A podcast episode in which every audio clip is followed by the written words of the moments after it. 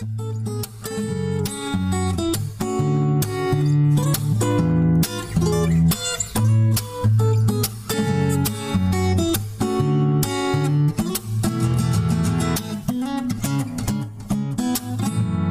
pendengar, kembali lagi bersama kami podcast SKS, Sistem Kuliah Scholarship. Kita udah masuk di episode ke-7. Hai Mel. Halo, kamu apa kabar nih? Ah, Alhamdulillah baik. Udah lama ya kita nggak publish ya? Ah, uh kebetulan kita skip beberapa minggu nih karena libur panjang tahun baru juga kali ya. Ya, betul banget. Oke. Eh, aku penasaran deh. Kamu waktu itu bilang kalau kamu lulusan SMK ya? Iya, betul banget. Nah, aku... kamu minat gak sih sebenarnya jadi guru SMK? Hmm, enggak, Mel. Belum ada niatan tuh terjun di dunia pendidikan khususnya SMK sih. Mungkin setelah lulus ada kalau ada peluang ya mungkin ya. Tapi kalau sekarang belum ada keinginan untuk ke sana. Kenapa Mel? Nah, di bintang tamu episode ke-7 kali ini kita kedatangan seorang guru SMK yang sangat inspiratif. Hmm, siapa Mel emang? Nah, penasaran nggak? Iya nih, siapa ya? Oke, beliau adalah salah satu teman kita nih Bas, salah satu penerima beasiswa LPDP, namanya Mbak Anissa Rahmanti. Jadi hmm, uh, beliau adalah seorang perempuan kelahiran Surakarta yang menempuh pendidikan di sekolah farmasi. Nah, sekarang beliau justru memiliki konsentrasi di bidang teknologi informasi dan menjalani hari-harinya sebagai seorang PNS di SMK Negeri 1 Rembang. Mbak Anissa sekarang sedang lanjut S2 di Universitas Gajah Mada dengan jurusan Teknologi Informasi. Penasaran nggak? Wah, kelihatannya seru ya. Ayo kita ngobrol-ngobrol. Siap. Please welcome Mbak Anissa.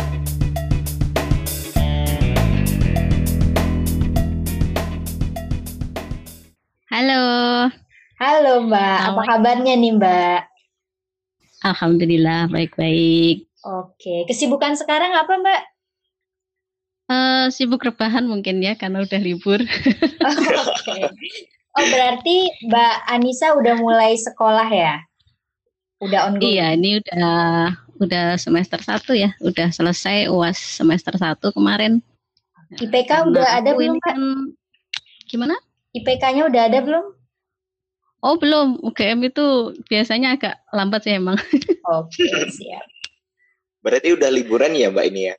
Iya, dan kebetulan kan aku ini cuti tugas belajar, jadi ya nggak ngantor, nggak kuliah ya, udah rebahan aja nih. Mantap. Oke, Mbak Anissa, kita penasaran nih dengan cerita Mbak Anissa. Kebetulan uh, kayak yang kita tahu, Mbak Anissa itu adalah salah satu awardee LPDP S2 dalam negeri targeted ASN. Nah, ini akan menarik banget dan akan memberikan wawasan baru nih buat pendengar podcast SKS. Yang menarik di sini adalah uh, cerita tentang jatuh bangunnya Mbak Anissa mengejar beasiswa LPDP. Mbak boleh cerita nggak sih ke kita itu gimana perjuangannya sampai di tahun 2019 lolos beasiswa LPDP? Ah, sebenarnya ya itu sebenarnya pengalaman yang uh, cukup berkesan buat saya. Jadi uh, eh, LPDP itu aku daftar sampai tiga kali. Ya, daftar tiga kali. Terus yang pertama itu tahun 2018. 2018 itu aku berhasil sampai tahap wawancara. Terus mungkin karena ya over confidence ya, terlalu pede. Yang pas wawancara itu aku gagal. Terus yang percobaan kedua itu uh, administrasinya itu kebetulan agak ribet. Jadi kalau di ASN itu kan sebenarnya yang paling ribet itu di birokrasinya ya. Karena kita harus cuti tugas belajar dan itu cukup rumit karena uh, apalagi aku kan ngajar di SMK yang di kota kecil itu penggantiku sulit dicari. Jadi kalau aku tugas belajar itu kan aku nggak ngajar.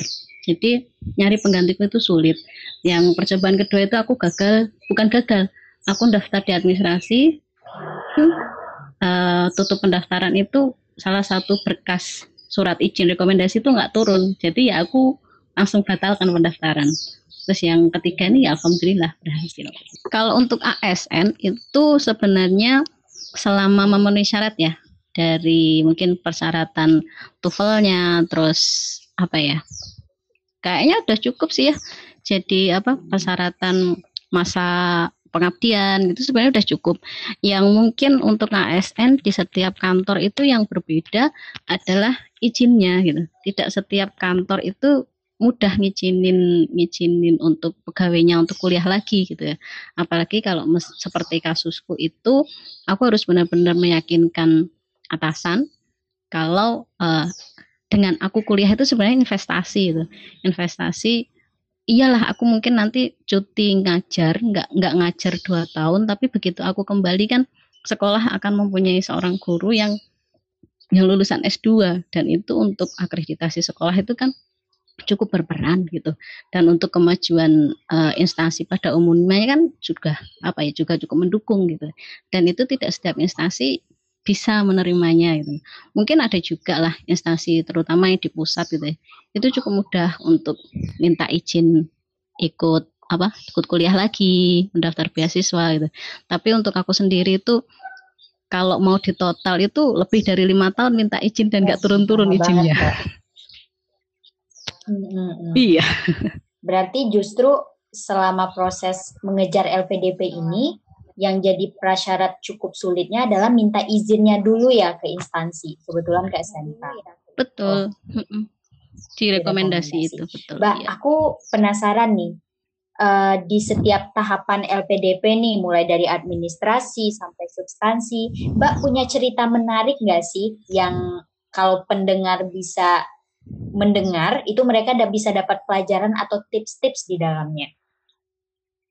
Hmm, untuk yang pertama ya, yang seperti saya keluhkan tadi tentang izin, ya izin itu kan bertahap mulai dari atasan langsung saya, kalau misalnya di sekolah kan di kepala sekolah, kemudian naik lagi sampai ke atas, dan yang dibutuhkan LPDP itu kan minimal eselon 2, karena aku guru SMK dan aku itu ada di bawah gubernur, maka eselon 2 itu ya pas di bawahnya gubernur. Dan itu uh, menurutku yang paling sulit di situ. Kita harus berusaha meyakinkan mereka, kita harus berusaha apa ya, sepik-sepik gitulah. Gimana sih uh, uh, mereka tuh mau ngasih kita rekomendasi untuk melanjutkan sekolah gitu. Ya karena untuk kasusku untuk guru di sebuah SMK yang di kota kecil itu susah gitu. Mau melimpahkan tanggung jawabku ke siapa itu memang susah. Dan untuk saat ini saya akui juga untuk kerjaan saya di kantor itu banyak dilimpahkan ke teman-teman saya. Dan teman-teman saya itu mungkin saat ini kerepotan juga gitu ya uh, menghandle beberapa kelas yang saya tinggalkan gitu. Terus untuk tahap-tahap selanjutnya menurutku sih yang lebih penting adalah hmm, banyak cari teman berjuang gitu ya. Nah, cari cari teman berjuang karena saya yakin uh, banyak yang berusaha menurunkan semangat hmm. kita gitu ya. Apalagi seperti saya gitu. Udah PNS, udah punya keluarga, mau nyari apa lagi sih? Seperti itu. Untuk yang teman-teman yang lain juga mungkin seperti itu. Ngapain S2 gitu loh. Ngapain sih nyari beasiswa gitu. Dan kita bisa mengurangi mengurangi apa ya damage dari dari omongan-omongan seperti itu dengan kita cari teman gitu. Dan menurut saya salah satu pengalaman berharga saya yaitu uh, bisa ketemu teman-teman yang saling semangat yang bahkan pada waktu saya pertama kali ngejar LPDP itu menurut saya uh, ketika saya gagal pun saya nggak kecewa gitu karena pada waktu mengejar beasiswa LPDP itu dapat kenalan banyak banyak pemuda-pemuda, pemudi-pemudi yang memang benar-benar punya prestasi dan ketika berkenalan dengan mereka itu eh, nggak seperti berkompetisi, nggak seperti bersaing gitu. Kita ngerasa, eh ini emang inspiratif ya gitu, seperti itu. Dan ketika saya keterima ini pun uh, nggak ada rasa bangga yang berlebihan, tapi justru uh, apa ya, uh, justru sebuah beban berat karena harus mengabdi, harus balik lagi. Ya karena harus sadar kita itu dibiayai oleh pemerintah gitu. Kita harus balik lagi gitu. Balik lagi mengabdi pada ya negara kita. Seperti itu.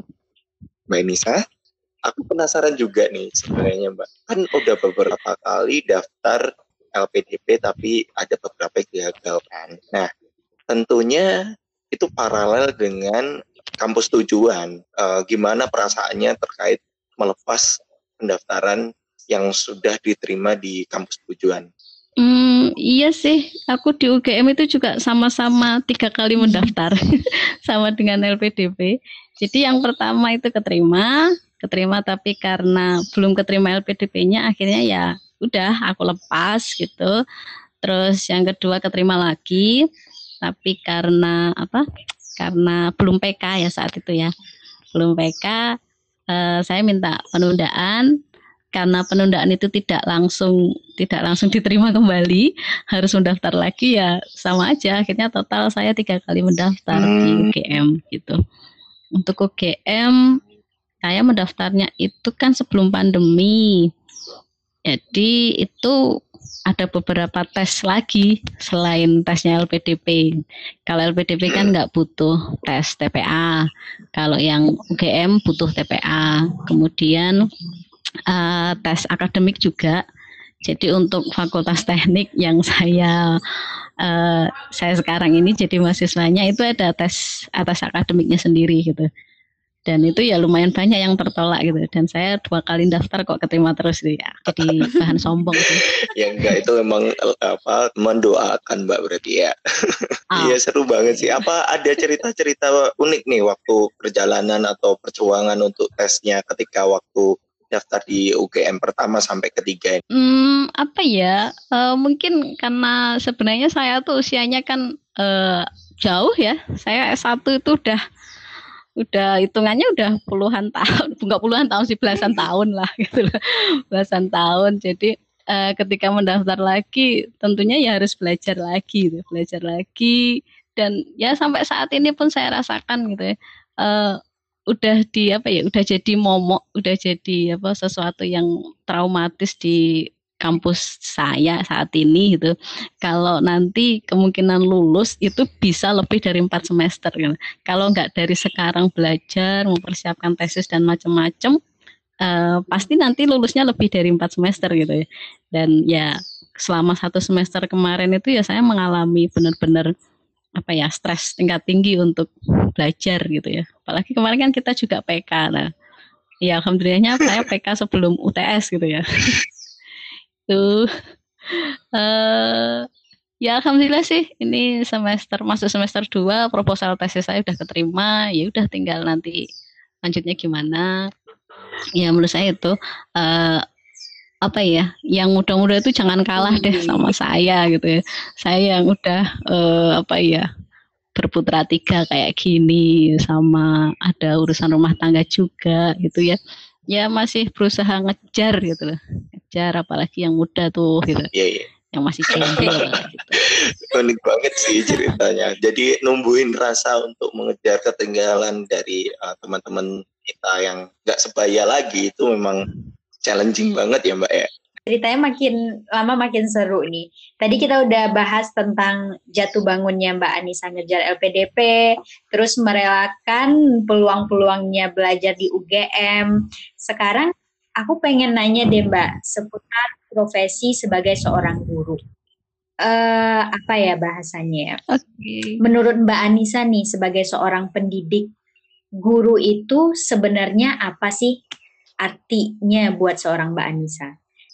Oke, kalau saya sih make it simple ya, seperti orang Jawa bilang, guru itu digugulan ditiru gitu ya.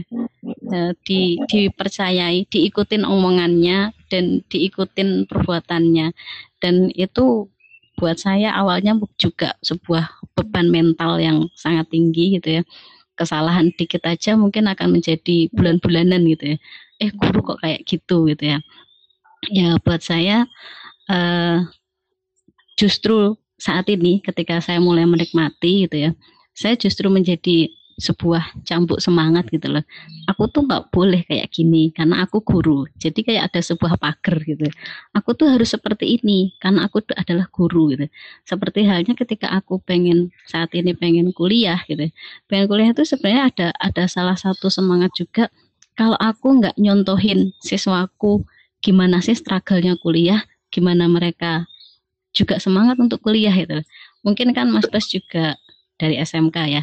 SMK itu kan titik beratnya kan di hmm. kerja gitu loh, bukan di kuliah. Nah, sementara untuk kerja itu kan kita nggak tahu akan bertahan seberapa lama kita di tempat kerja dengan pendidikan hanya selevel hmm. SMK gitu. Jadi kita harus ya seperti di Al-Qur'an juga kan orang yang punya ilmu akan ditingkatkan derajatnya gitu. Jadi saya harus nyemangatin ke siswa uh, ayo dong kuliah gitu. Nanti kalau udah kerja, udah punya uang, nabung sendiri, ayo kuliah. Gitu. Kalau nggak punya uang, ya udah, ayo cari beasiswa. Dan dengan dengan semangat itu, dengan semangat menjadi seorang guru ya, ya seperti ini yang saya contohkan gitu loh. Ayo ngejar beasiswa, ayo kuliah bareng gitu loh. Aku udah tua, tapi aku udah ngerasa nggak ngerasa tua dalam hal ini gitu loh. Tetap aja aku tetap harus tetap belajar gitu, sama seperti kalian gitu.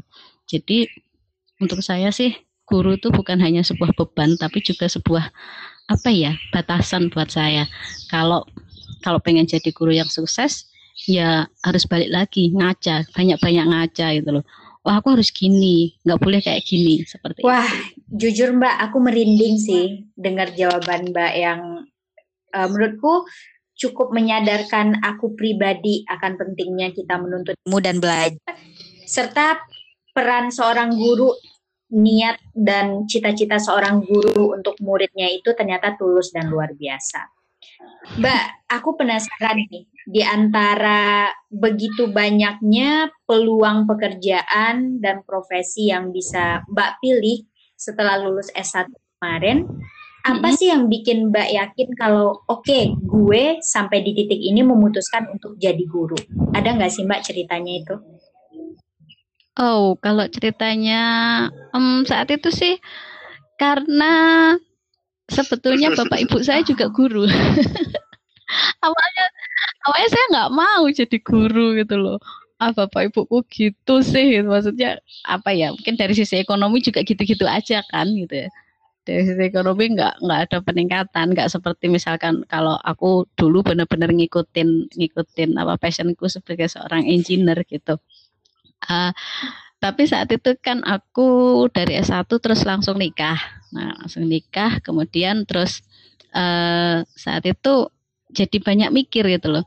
Aku kerja kalau nanti aku dikaruniai anak, terus aku tinggal-tinggal, aku kayak apa ya, meng mengabaikan amanah gitu ya. Terus ya gimana caranya aku tetap bisa kerja, tapi anakku tetap bisa apa ya, bisa aku beri kasih sayang seperti halnya ya seorang apa ya full mother, full time mother gitu kan ya udah aku milih jadi guru saat itu karena dulu sih simple mikirnya gitu karena liburnya bareng sama oh. liburnya anak-anak jadi kalau pengen piknik bareng gitu pengen piknik bareng terus bisa bareng sama anak-anak gitu loh kan dulu mikirnya sesimpel itu gitu ya. tapi begitu makin apa ya makin makin terlibat kan ya kok makin menikmati itu karena ngerasa uh, salah satu amal jariah itu kan ilmu yang bermanfaat gitu kan. Nah, dan uh, begitu apa ya begitu sekian lama jadi guru gitu ya salah satu momen yang buat saya itu jauh melebihi apa ya keberhasilan ekonomi atau apa pun itu adalah ketika suatu ketika saya ketemu alumni yang entah berapa tahun lalu lulusnya gitu. Dan ketika dia ketemu saya, masih ingat saya, salim sama saya, tanya, "Bu, kabarnya gimana?" Itu buat saya tuh udah sebuah anugerah yang luar biasa gitu loh. Apalagi sampai e, Bu, besok aku nikah datang ya, seperti itu. Itu buat saya udah wow, eh, sebuah anugerah yang apa ya luar biasa buat saya gitu. Karena apa? Menurut saya seseorang yang sampai diingat selama sisa hidupnya itu berapa tahun itu apa ya kayaknya kok berarti banget ya selama ini itu saya saya di hidupnya seperti itu. Jadi uh, buat saya apa ya guru itu bukan lagi bukan lagi pencapaian secara ekonomi, secara apa ya strata sosial atau gimana enggak. Buat saya itu malah justru ya kayak tadi yang saya bilang guru itu buat saya lebih banyak memberi arti pada saya di diri saya sendiri gitu. Ketika melihat keberhasilan orang, saya nggak akan ngiri, tapi justru semakin bangga gitu. Ketika melihat anak saya lebih pinter dari saya, itu jadi makin apa ya, makin uh, seneng banget gitu. Jadi misalkan ada sih alumni dari SMK saya gitu kan. Dia lagi apa dapat tugas ke Amerika misalkan. Di sana dia foto kemudian foto ada tulisannya I love SMK satu Rembang. Dan itu dikirimkan ke saya gitu. Dan itu bahasanya wow gitu banget gitu. Terus apa banyak sih uh, siswa-siswa saya yang udah kerja sampai ke luar negeri. Walaupun mereka mungkin ke luar negeri karena pendidikan S1-nya itu. Tapi bayangkan S1 itu 6 tahun, 4 tahun lah, 4 tahun, 5 tahun. Kemudian SMK-nya itu berapa tahun yang lalu dan mereka masih ingat saya. Itu buat saya udah pencapaian yang luar biasa dalam hidup saya. gitu mbak. Oke, okay. aku nggak bisa berkata apa-apa sih mbak. Maksudku uh, secara pribadi pun menurutku salah satu profesi yang mulia itu adalah seorang guru dan insya Allah buat Mbak Anissa juga Wah. jadi amal jariah untuk hal-hal yang baik yang dibagikan ke murid-muridnya nanti. Amin. Setuju banget Mel. Amin. Menarik nih kita apa kalau kita diskusi tentang SMK. Berhubung aku juga dari SMK terus lanjut di vokasi mungkin itu yang masukan-masukan yang telah Mbak Anissa bilang itu memang benar banget jadi kita tuh harus nyontoin dulu kalau misalnya NSMK itu nggak cukup jadi seorang pekerja. Jadi ada ada kalanya kita harus keluar dari zona nyaman. Makanya saya setuju banget dari argumentasi Mbak Anissa tersebut. Nah, lanjut nih. Menarik kalau misalnya sebagai seorang guru SMK tentu pasti dibekali dengan kompetensi-kompetensi teknik sesuai dengan kejuruannya. Nah, Mbak Anasi, Mbak Anissa sendiri nih, saya penasaran uh, kompetensi kejuruan apa yang telah Mbak Anissa miliki ini kan tuntutannya nggak cuma it, apa uh, ngajar aja, pasti ada kompetensi keahlian khusus kan? Um, kalau saya hmm. ngajarnya kan komputer jaringan ya, teknik komputer jaringan, dan ya alhamdulillah sih ya untuk selama ngajar ini saya kalau secara apa kompetensi profesional guru udah dapet. Jadi yang yang dinamakan apa sertifikasi guru itu alhamdulillah udah dapet. Terus secara uh, kompetensi apa ya kejuruannya saya ngikut uh, standar internasional aja gitu ya. Jadi ada standar standar uh, kompetensi untuk kejuruan jaringan yang secara internasional itu kan ada uh, mikrotik sama Cisco. Dua-duanya udah dapet. Kalau yang mikrotik itu saya udah nyampe akademi trainer, jadi udah bisa ngasih sertifikasi ke siswa saya sendiri. Jadi saya nyari nyari sertifikasi, kemudian nyari kompetensi sebagai trainer, dan sekarang saya udah bisa ngasih sertifikasi ke siswa sendiri. Jadi siswa saya itu nanti bisa dapat sertifikasi yang sama dengan saya Microsoft apa? Kok Microsoft? Mikrotik ya. Mikrotik uh, certified network engineer itu masih bisa gitu. Nggak usah harus bayar. Itu kan setiap kali sertifikasi kan bayarnya sekitar 2 sampai 3 juta karena saya udah jadi trainer untuk siswa ya ya terserah sih mau ngasih berapa tapi biasanya sih gratis ya anak Oh menarik sekali. Jadi uh, itu apakah dibiayai dari sekolah sendiri atau inisiatif sendiri mbak?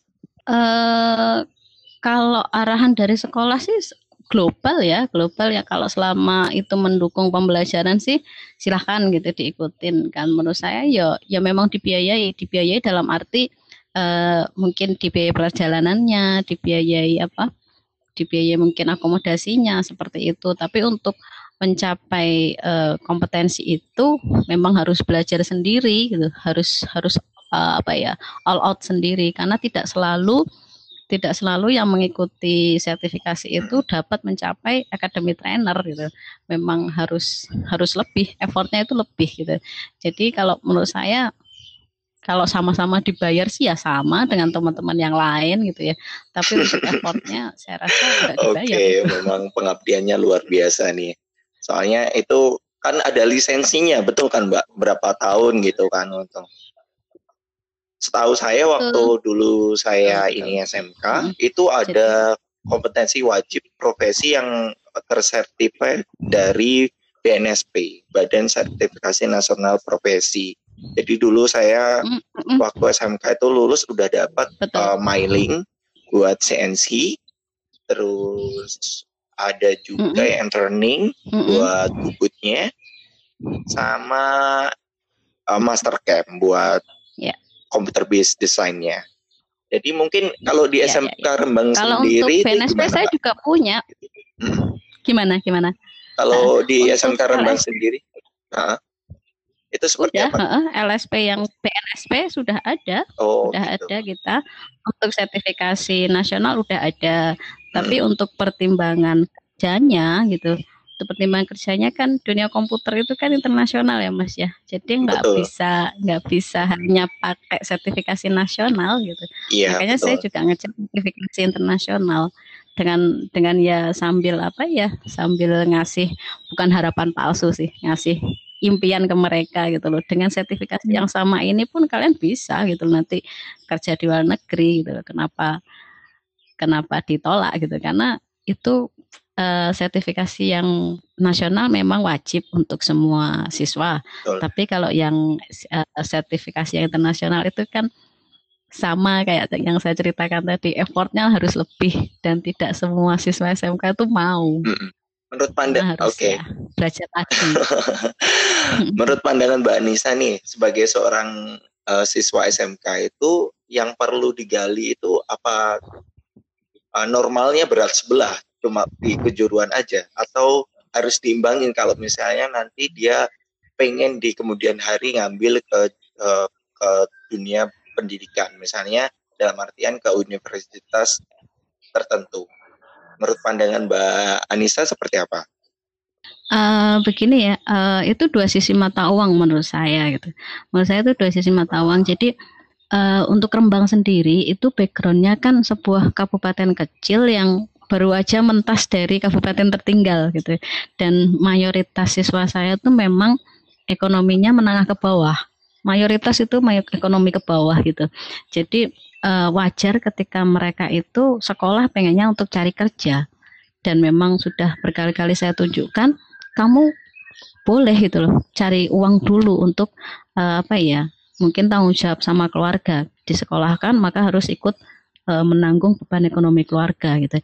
Tapi ketika sampai di suatu titik gitu kita nggak bisa itu hanya diperas tenaganya aja. Kita pasti akan merasa kalau aku bisa meraih satu lagi gitu loh, satu satu lagi level akademis yaitu dengan kuliah gitu loh, maka kerjaku akan lebih mudah dan hasilnya lebih banyak. Makanya itu ya harus saya saya perjuangkan agar siswa itu punya keinginan seperti itu cukup cukup memendam memendam keinginan dulu lah, memendam impian dulu, nggak harus lulus SMK terus langsung kuliah gitu enggak gitu. Tapi cukup memendam impian. Jadi ketika mereka udah dapat gaji sendiri, dah mereka udah bisa kerja sendiri, maka mereka bisa melanjutkan untuk kuliah seperti itu. Wah, gimana? Hmm? Uh, ya, keren sih Mbak. Maksudku uh, aku yang tidak memiliki background SMK dengan topik yang Mbak bahas dengan Basuki sebenarnya aku agak roaming sih. Oke. Okay.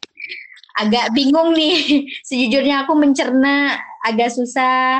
Tapi uh, aku mungkin punya sedikit pertanyaan yang sifatnya general lagi sih Mbak. Mm. Dalam artian uh, sebagai seorang guru SMK terus sebagai seorang guru SMK yang ditempatkan di kota kecil. -hmm Mbak Anissa punya suka dukanya tersendiri nggak? Untuk sukanya, saya uh, saya termasuk guru yang nggak terlalu banyak ngomong manis ya. Saya suka membuli gitu ya. Tapi dalam rangka dalam rangka itu sih ya, mengakrabkan diri sama mereka gitu. Jadi nggak membuli untuk merendahkan itu enggak gitu ya. Jadi uh, sering banget gitu ya saya ngecek ke anak-anak gitu kan. Bahkan hanya dengan dengan level yang paling sederhana. Misalkan saya nunjukin apa kartu ATM gitu kan. Kartu ATM aja gitu kan.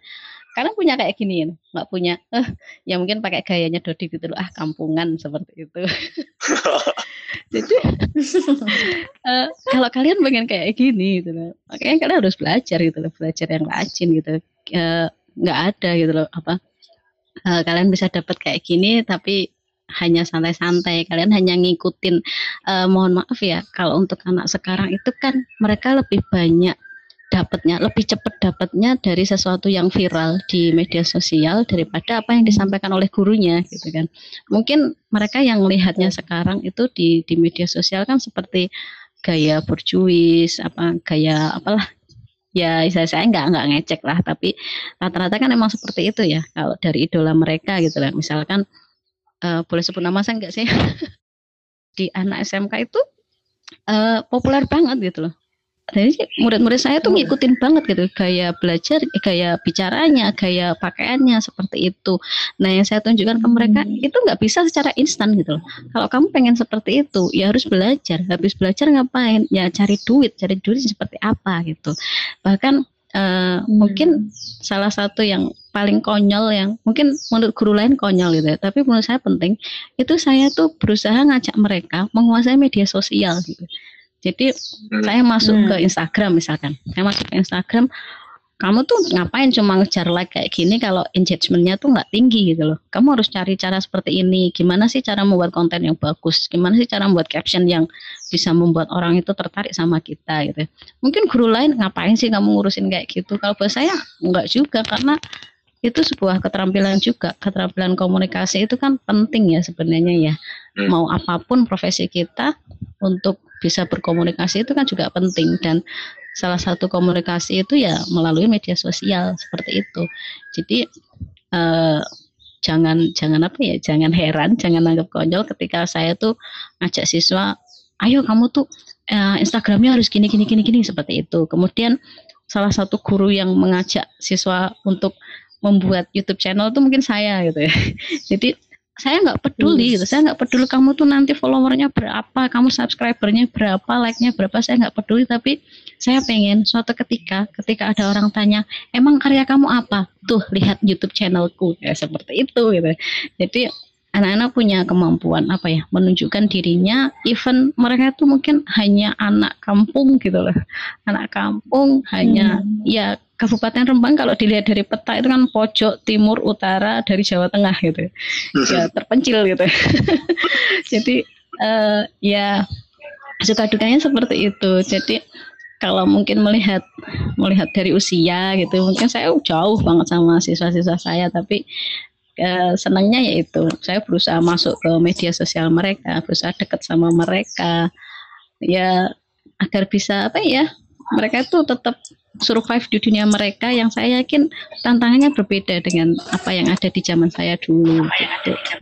Wow, uh, guru-guruku sendiri di SMK itu uh, metode pendekatannya ke siswa itu seperti itu. Jadi didiketin dari media um, sosmednya, kemudian uh, sering komunikasi sampai sekarang juga ini bagus solidaritas SMK itu tetap menarik nih. Aku sendiri kan juga aku sendiri kan juga lulusan SMK Mas. Jadi uh, sama teman-temanku walaupun udah hitungan belasan tahun kita terpisah ya masih kumpul sampai saat ini. Nah, sama Emang berarti. sekuat itu. iya. menarik. Coba kita uh, kita ganti topik dulu Mbak. Uh, kan okay. kan Mbak Anissa ini udah masuk di semester kedua ya berarti ini ya? Insya Allah mulai Februari nanti. Ya semester kedua nih. Jadi pasti ada tantangan yang meningkat dari semester sebelumnya. Nah, saya pengen kulik-kulik sedikit nih kalau selama semester satu ini dengan intensitas pekerjaan uh, pekerjaan rumah ya, maksudnya keluarga mm -hmm. dan uh, kehidupan kampus itu ada masalah-masalah baru nggak yang muncul? Atau kendala-kendala yang menghambat proses belajar atau bahkan uh, menjalani kehidupan berkeluarga? Bisa bagi ceritanya nggak? Ini. Oke, oke, oke. Kalau menurut saya itu sih uh, karena saya itu learning by doing ya, doing udah udah pengalaman juga gitu ya. Uh, menurut saya sih tantangan yang sekarang itu gimana sih cara cara keluarga kita gitu, mulai dari anak suami sampai ya mungkin nanti tetangga atau mungkin kebetulan saya itu dekat sama mertua gitu ya sama kakek neneknya anak-anak itu mereka juga bisa sama-sama memahami jika meskipun saya itu saat itu di rumah duduk di depan meja pakai daster. Kadangnya saya nggak pakai baju baju kuliah itu kan enggak gitu ya. Saya pakai daster. Itu saya sedang kuliah gitu. Gimana cara mereka berganti pandangan jika saat itu saya sedang kuliah, saya sedang serius, lagi nggak ingin diganggu, seperti itu ya e, memang butuh apa ya, butuh pemahaman lebih dari mereka gitu. Tapi ya, alhamdulillah menurut saya karena ya kebetulan ini masa pandemi, anak saya sendiri juga belajar online, suami juga belajar online, e, pemahaman itu lebih mudah dibangun. Oh ini sedang apa lagi lagi conference, lagi meeting, lagi kuliah seperti itu itu lebih mudah gitu. Beda seperti dulu ketika sebelum pandemi, ketika saya di depan laptop itu meskipun kerja, tapi kalau di rumah masih bisa di apa direwelin anak-anak gitu. Bu masain ini, Bu ini Bu apa mandiin atau apa gitu seperti itu. Kalau sekarang ya alhamdulillah udah pada paham sih ya. Kalau ini lagi aktivitas yang nggak bisa diganggu seperti halnya saya lagi berangkat kuliah di kampus nggak bisa diganggu seperti itu ya alhamdulillah udah bisa dipahami bahkan apa ya anak saya yang kecil itu sampai membuat apa ya perjanjian gitu ya yeah. anak saya tuh baru lima tahun bahkan sampai membuat perjanjian seperti ini bu aku dikelonin dulu sampai sampai bubuk nanti kalau aku udah pupuk tinggal aja bu. Nggak apa-apa aku pupuk sendiri tapi dikelonin dulu. Seperti itu. Jadi kalau pas saya lagi ngelembur gitu ya lembur malam-malam seperti itu. Anak saya cuma minta jeda seperti itu. Cuma minta jeda sedikit aja sampai dia tahu dia pupuk sampai tertidur itu. Saya ada setelah itu dia merelakan saya untuk kerja seperti itu. Bukan kerja ya untuk kembali belajar lagi gitu ya sampai direlakan sejauh itu. Wah, benar banget. Jadi support sistemnya uh, mulai terbangun ya. Betul, Jadi ya. tadi uh, ada udah ada kesepakatan yang dibangun. Jadi sudah saling pengertian untuk saling support. Nah, ada nggak nih cerita-cerita lain yang terkait uh, support system dari suami atau bahkan anak pertama atau kedua? Uh, mungkin uh, apa ya? Salah satu yang memudahkan saya itu adalah suami dan anak-anak saya itu nggak rewel soal makan loh. Jadi uh, mungkin nanti ya mungkin di tesis saya akan akan saya tulis gitu ya. Thanks to driver grab seperti itu. Jadi ketika anak dan suami saya itu mungkin butuh makan gitu ya, enggak enggak harus apa ya, enggak harus saya masak gitu loh. Nah, mereka cukup pesan antar gitu aja, saya tetap bisa melakukan tugas saya dan ya mereka tetap bisa makan gitu loh. Jadi mungkin kan salah satu tugas istri seorang ibu kan juga seperti itu kan harus nyiapin makan di rumah gitu ya. Tapi ya alhamdulillah gitu ya. Mungkin support system sampai ke grab mungkin ya. Menarik sekali. Gimana Mel menurutmu ah uh, mbak halo uh, apa namanya di saat nanti udah nggak online lagi nih otomatis mbak suami dan anak-anak itu akan berada di kota yang berbeda ya? Betul. ya itu udah ada siasatnya belum nih Mbak? Dari sekarang udah ada ancang-ancangnya mau gimana mekanismenya gitu? Uh, menurut saya sih lebih ke komunikasi ya, komunikasi dan saling percaya. Uh, kuliah itu kan juga nggak 24 jam gitu ya, dan kita udah hafal masing-masing. Misalkan anak saya itu uh, kan mereka masing-masing masih masa-masa suka bermain gitu ya. Kalau misalkan saya telepon atau video call sekitar jam 4 jam 5 itu nggak bakalan bisa karena mereka lagi main sepedaan atau gimana gitu ya. Jadi kita udah udah hafal gitu ya, udah hafal uh, jamnya masing-masing. Jadi mungkin sekitar udah kita udah mulai apa ya tahu nanti sekitar jam 7 habis makan malam, habis habis mereka belajar itu kita bisa berkomunikasi dengan baik seperti itu. Jadi menurut saya teknologi cukup memudahkan kok. Dan ya ya semoga lah pandemi ini segera berlalu karena kuliah kalau nggak ketemu gini juga ya susah sih kita. Oke, luar biasa nih. Uh, kita udah ngobrol panjang lebar, udah tahu tentang gimana jatuh bangunnya Mbak Anissa mengejar LPDP, tentang mulianya profesi Mbak sebagai seorang guru, serta kehidupan berkeluarga. Nah, pendengar kita insya Allah akan sangat beragam nih Mbak. Mungkin mm-hmm. nanti ada yang PNS, ada yang anak SMK, dan masyarakat umum lainnya. Nah, aku pribadi minta saran Mbak atau advice nih, uh, khususnya bagaimana caranya tembus LPDP sebagai seorang ASN. Oke, kalau buat saya yang pertama adalah uh, perbaiki niat, gitu ya. perbaiki niat, karena uh, niat kita itu kan nanti akan didukung sama yang di atas gitu ya. Kalau memang niat kita udah sudah mantep, kita tinggal minta aja sama yang di atas, tolong lancarkan gitu. Kalau memang udah memang saatnya pasti dikasih itu. Ya saya sendiri saat itu gagal pun nggak ngerasa itu sebuah sesuatu yang yang apa ya membuat stres itu enggak. Gitu ya. Tapi justru menurut saya itulah jawaban dari doa saya gitu ya. Ketika saya pengen tetap belajar dengan baik, uh, keluarga bisa terurus juga tanpa merasa kehilangan gitu ya. Ternyata jawabannya adalah saya berhasilnya setelah tiga kali mencoba seperti itu. Nah, Mbak, kalau buat adik-adik SMK nih, Mbak punya pesan-pesan tersendiri nggak supaya ayo sekolah lagi gitu? SMK itu kan slot SMK bisa, gitu. SMK bisa, betul. Ya. Entah itu bisa jatuh atau bisa berhasil itu tergantung dari effort kita, tergantung dari usaha kita, gitu. Anak SMK hmm. itu saya tahu sekali anak SMK itu mempunyai beban, bukan beban, mempunyai bekal disiplin dan mempunyai bekal apa ya? mempunyai bekal jiwa untuk bekerja itu lebih tinggi, jiwa sosialnya juga lebih tinggi. Jadi saya rasa tantangan akademis itu bukan sesuatu yang yang nggak bisa dikalahkan gitu ya. Pasti bisa walaupun gagal. Mungkin saat ini ada beberapa jalur ya, SNMPTN, SBM atau mungkin ujian tulis, ujian masuk atau apa itu mungkin gagal, tapi siapa tahu mungkin jawabannya bukan di situ untuk melanjutkan kuliah itu, mungkin jawabannya ada di tempat lain. Tapi yang pasti kita pasti bisa gitu mengalahkan itu. Wah, aku terinspirasi Mel.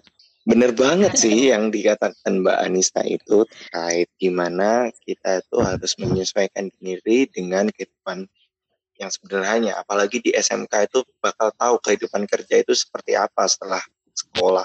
Dan mungkin bakal sulit untuk uh, kalau awalnya kerja terus uh, dia pengen lanjut kuliah. Nah satu tips lagi yang ingin aku gali dari Kak Anissa ini. Menurut Mbak Anissa ini tips untuk menumbuhkan sesuatu hal yang udah terpendam lama dalam hal ini kita konteksnya belajar itu seperti apa Mbak?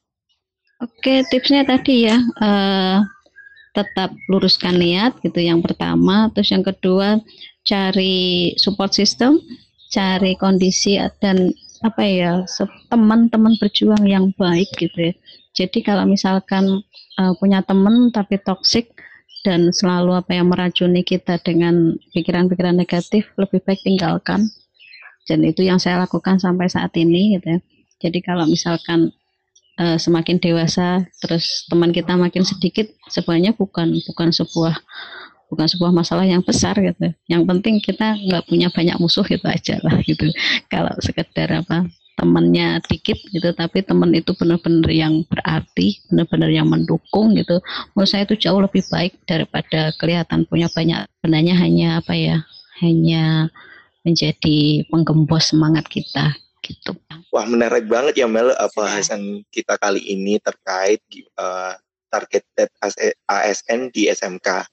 Menurutku itu bakal banyak orang yang terinspirasi gimana uh, menumbuhkan niat dan membangun support system yang tepat untuk kita bisa lanjut ke proses selanjutnya dalam artian nggak cuma nggak uh, mulu-mulu anak SMK uh, didoktrin untuk jadi seorang pekerja ada tujuan-tujuan lain yang ke depan yang lebih mulia atau bahkan lebih worth it untuk dikejar. Yes, berbahas. dan dari begitu banyak hal-hal inspiratif yang Mbak Anissa sampaikan, jujur semuanya pelajaran dan nilai-nilai moral yang sangat bermanfaat buat aku pribadi dan insya Allah buat pendengar kita juga.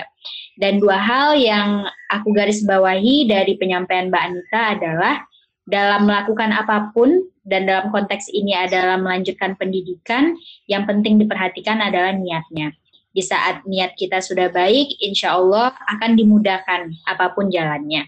Yang kedua, yang gak kalah penting adalah membangun support system apakah itu dari keluarga, lingkungan pertemanan, dan faktor-faktor lainnya. Jadi gimana Bas? Sudah cukup puas dengan bintang tamu kita Luar kali biasa, ini puas ngobrol-ngobrolnya? Sebenarnya masih banyak sih, nanti mungkin kita sambung di episode selanjutnya ya Mel ya. Mbak Anitanya, eh Mbak Anisanya siap nggak nih kita undang lagi? Oke, mungkin udah cukup banyak pembahasan kali ini. Aku tutup ya Mel ya. Demikianlah. Eh, Wah, sebentar tuh? aku punya pantun nih. Oke, pakai seragam berwarna-warni, anak SMK pergi les. Sekian dulu episode kali ini. Pantengin Mantap terus sekali. podcast SKS. Sampai jumpa di episode ke-8.